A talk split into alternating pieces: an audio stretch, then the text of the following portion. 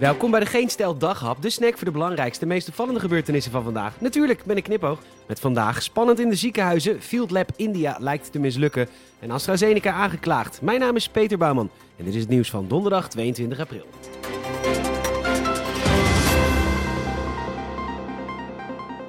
Het is belachelijk spannend in de ziekenhuizen momenteel. Reguliere zorg wordt steeds verder afgeschaald en er liggen 839 mensen op de IC's.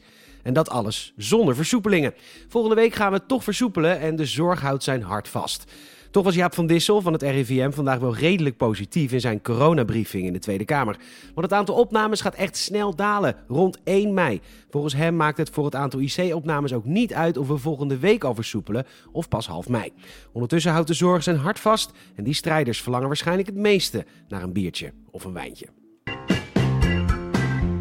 Op dit moment is er een coronadebat gaande in de Tweede Kamer en veel Kamerleden vragen zich af waarom het Field Labs evenement in Breda is afgeblazen, maar het Field Labs evenement op Schiphol nog steeds doorgaat. Elke dag landen er vliegtuigen vanuit India zonder verplichte quarantaine en de cijfers liegen er niet om. De nieuwe variant die in India rondwaart, B1.617,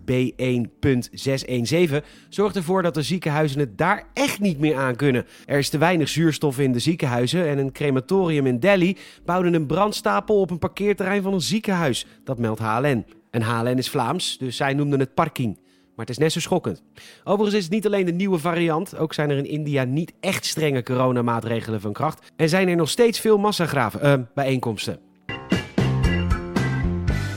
De Ierse minister van Volksgezondheid zegt dat de Europese Commissie AstraZeneca voor de rechter gaat slepen. Dat meldt de Telegraaf. Dit omdat de farmaceut structureel de gemaakte afspraken niet nakomt. We snappen het, je kunt niet allemaal het beste jongetje van de klas zijn, zoals Pfizer, die constant meer levert dan eerder afgesproken is. Bah.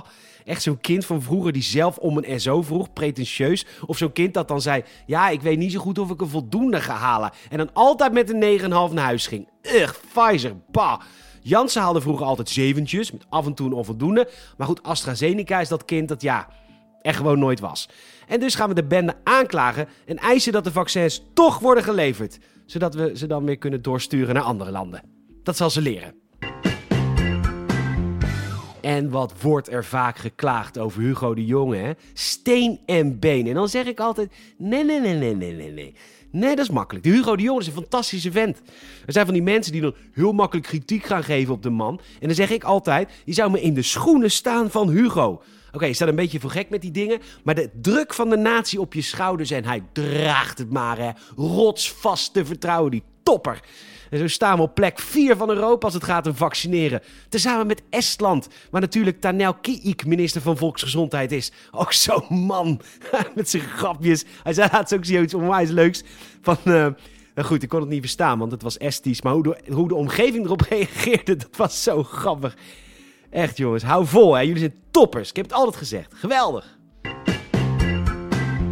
Het is echt een van de meest enge verhalen ooit. Er wordt op dit moment gezocht naar een Indonesische onderzeeboot, de KRI Nanggala 402.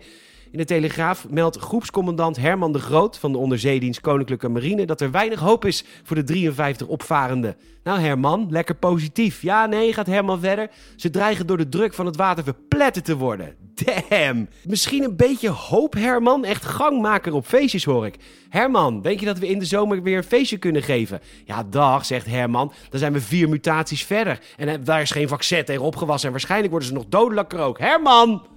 Maar goed, de Nangala was aan het oefenen toen opeens de verbinding werd verbroken.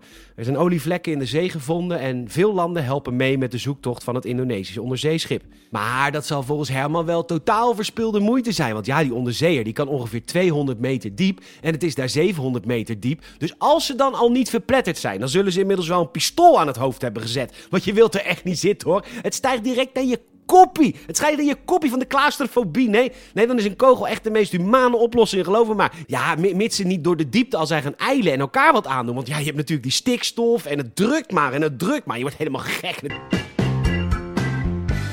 Bedankt voor het luisteren en je zou ons enorm helpen als je een vriend of vriendin vertelt over deze podcast. En ook een Apple Podcast review zouden we enorm waarderen. Nogmaals bedankt en tot morgen.